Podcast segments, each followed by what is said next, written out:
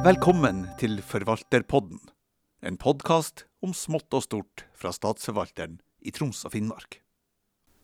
Hei og velkommen til podkastepisode om barmarkskjøring. Jeg heter Gøril Einarsen. Og mitt navn er Lise Sundlin Moratoye, og vi jobber på miljøavdelinga hos Statsforvalteren i Troms og Finnmark. Du Lise, i en annen episode så snakka vi om hvordan man kan frakte bagasje og utstyr til hytta på om vinteren. Men det er jo nok flere som lurer på om det er samme mulighet på barmark?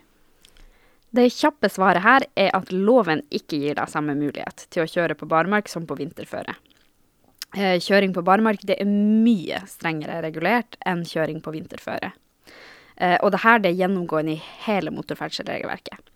Det som kan transporteres på vinteren, det skal også transporteres på vinteren. Og det er egentlig kun i spesielle tilfeller at vi kan kjøre på barmark.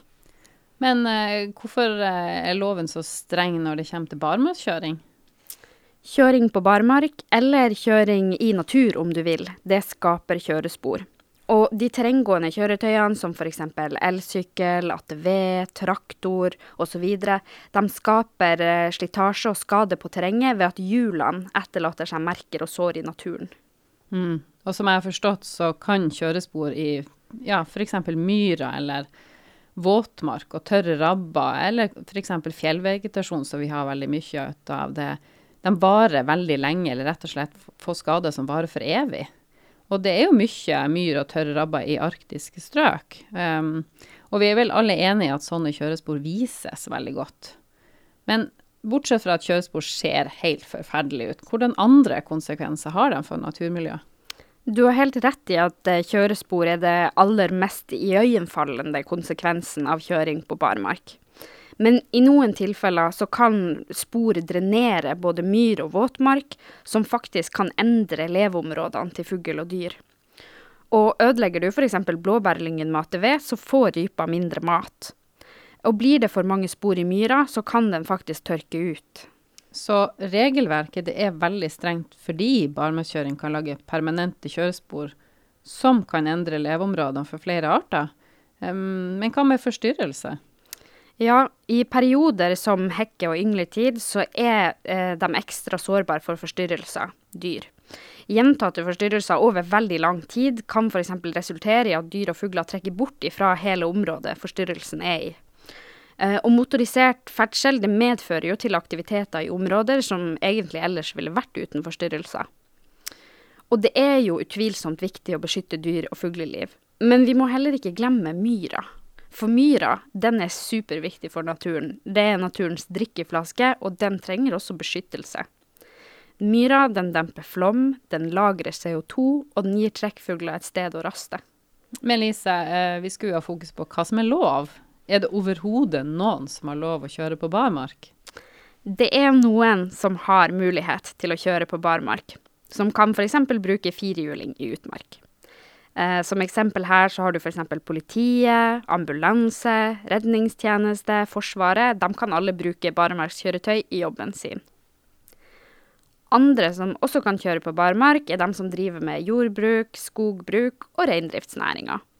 De kan kjøre for det som beregnes som nødvendig person- og godstransport i næringa. Men eh, hva med oss som ikke er næringsdrivende eller jobber i politi og redningstjeneste? Der er noen muligheter. Om du er elgjeger, så kan du f.eks. frakte elgen du har skutt, ut ved.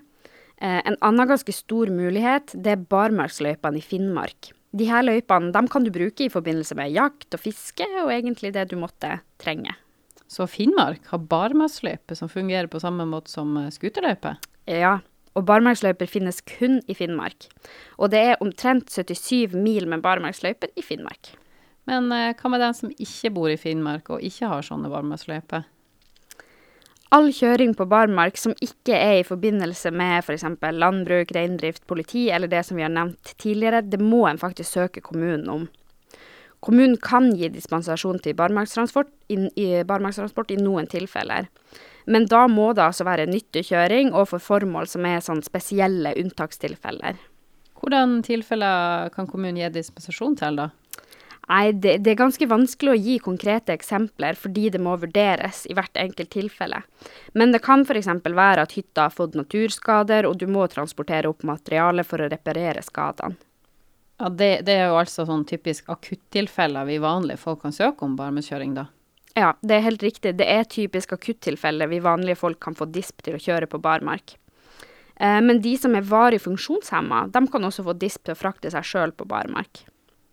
Men hvis jeg går tilbake til det første spørsmålet i denne episoden, eh, hva med vanlige folk som vil transportere utstyr til hytta også på sommeren? Hvis de skal kjøre lovlig til hytta, så må det faktisk være vei dit. Eh, alt i alt så er vel egentlig konklusjonen av denne episoden at eh, snøscootertransport er faktisk bedre enn barmarkskjøring. Ja, for vi har masse som er verdt å ta vare på, så alle bør jo unngå barmarkskjøring så mye som mulig. Um, og har du lyst til å vite mer om motorferdsel i utmark, sjekk ut hjemmesida vår. For der ligger det masse informasjon hva du har lov til, og vi har flere korte kurs som du kan se på om du er interessert.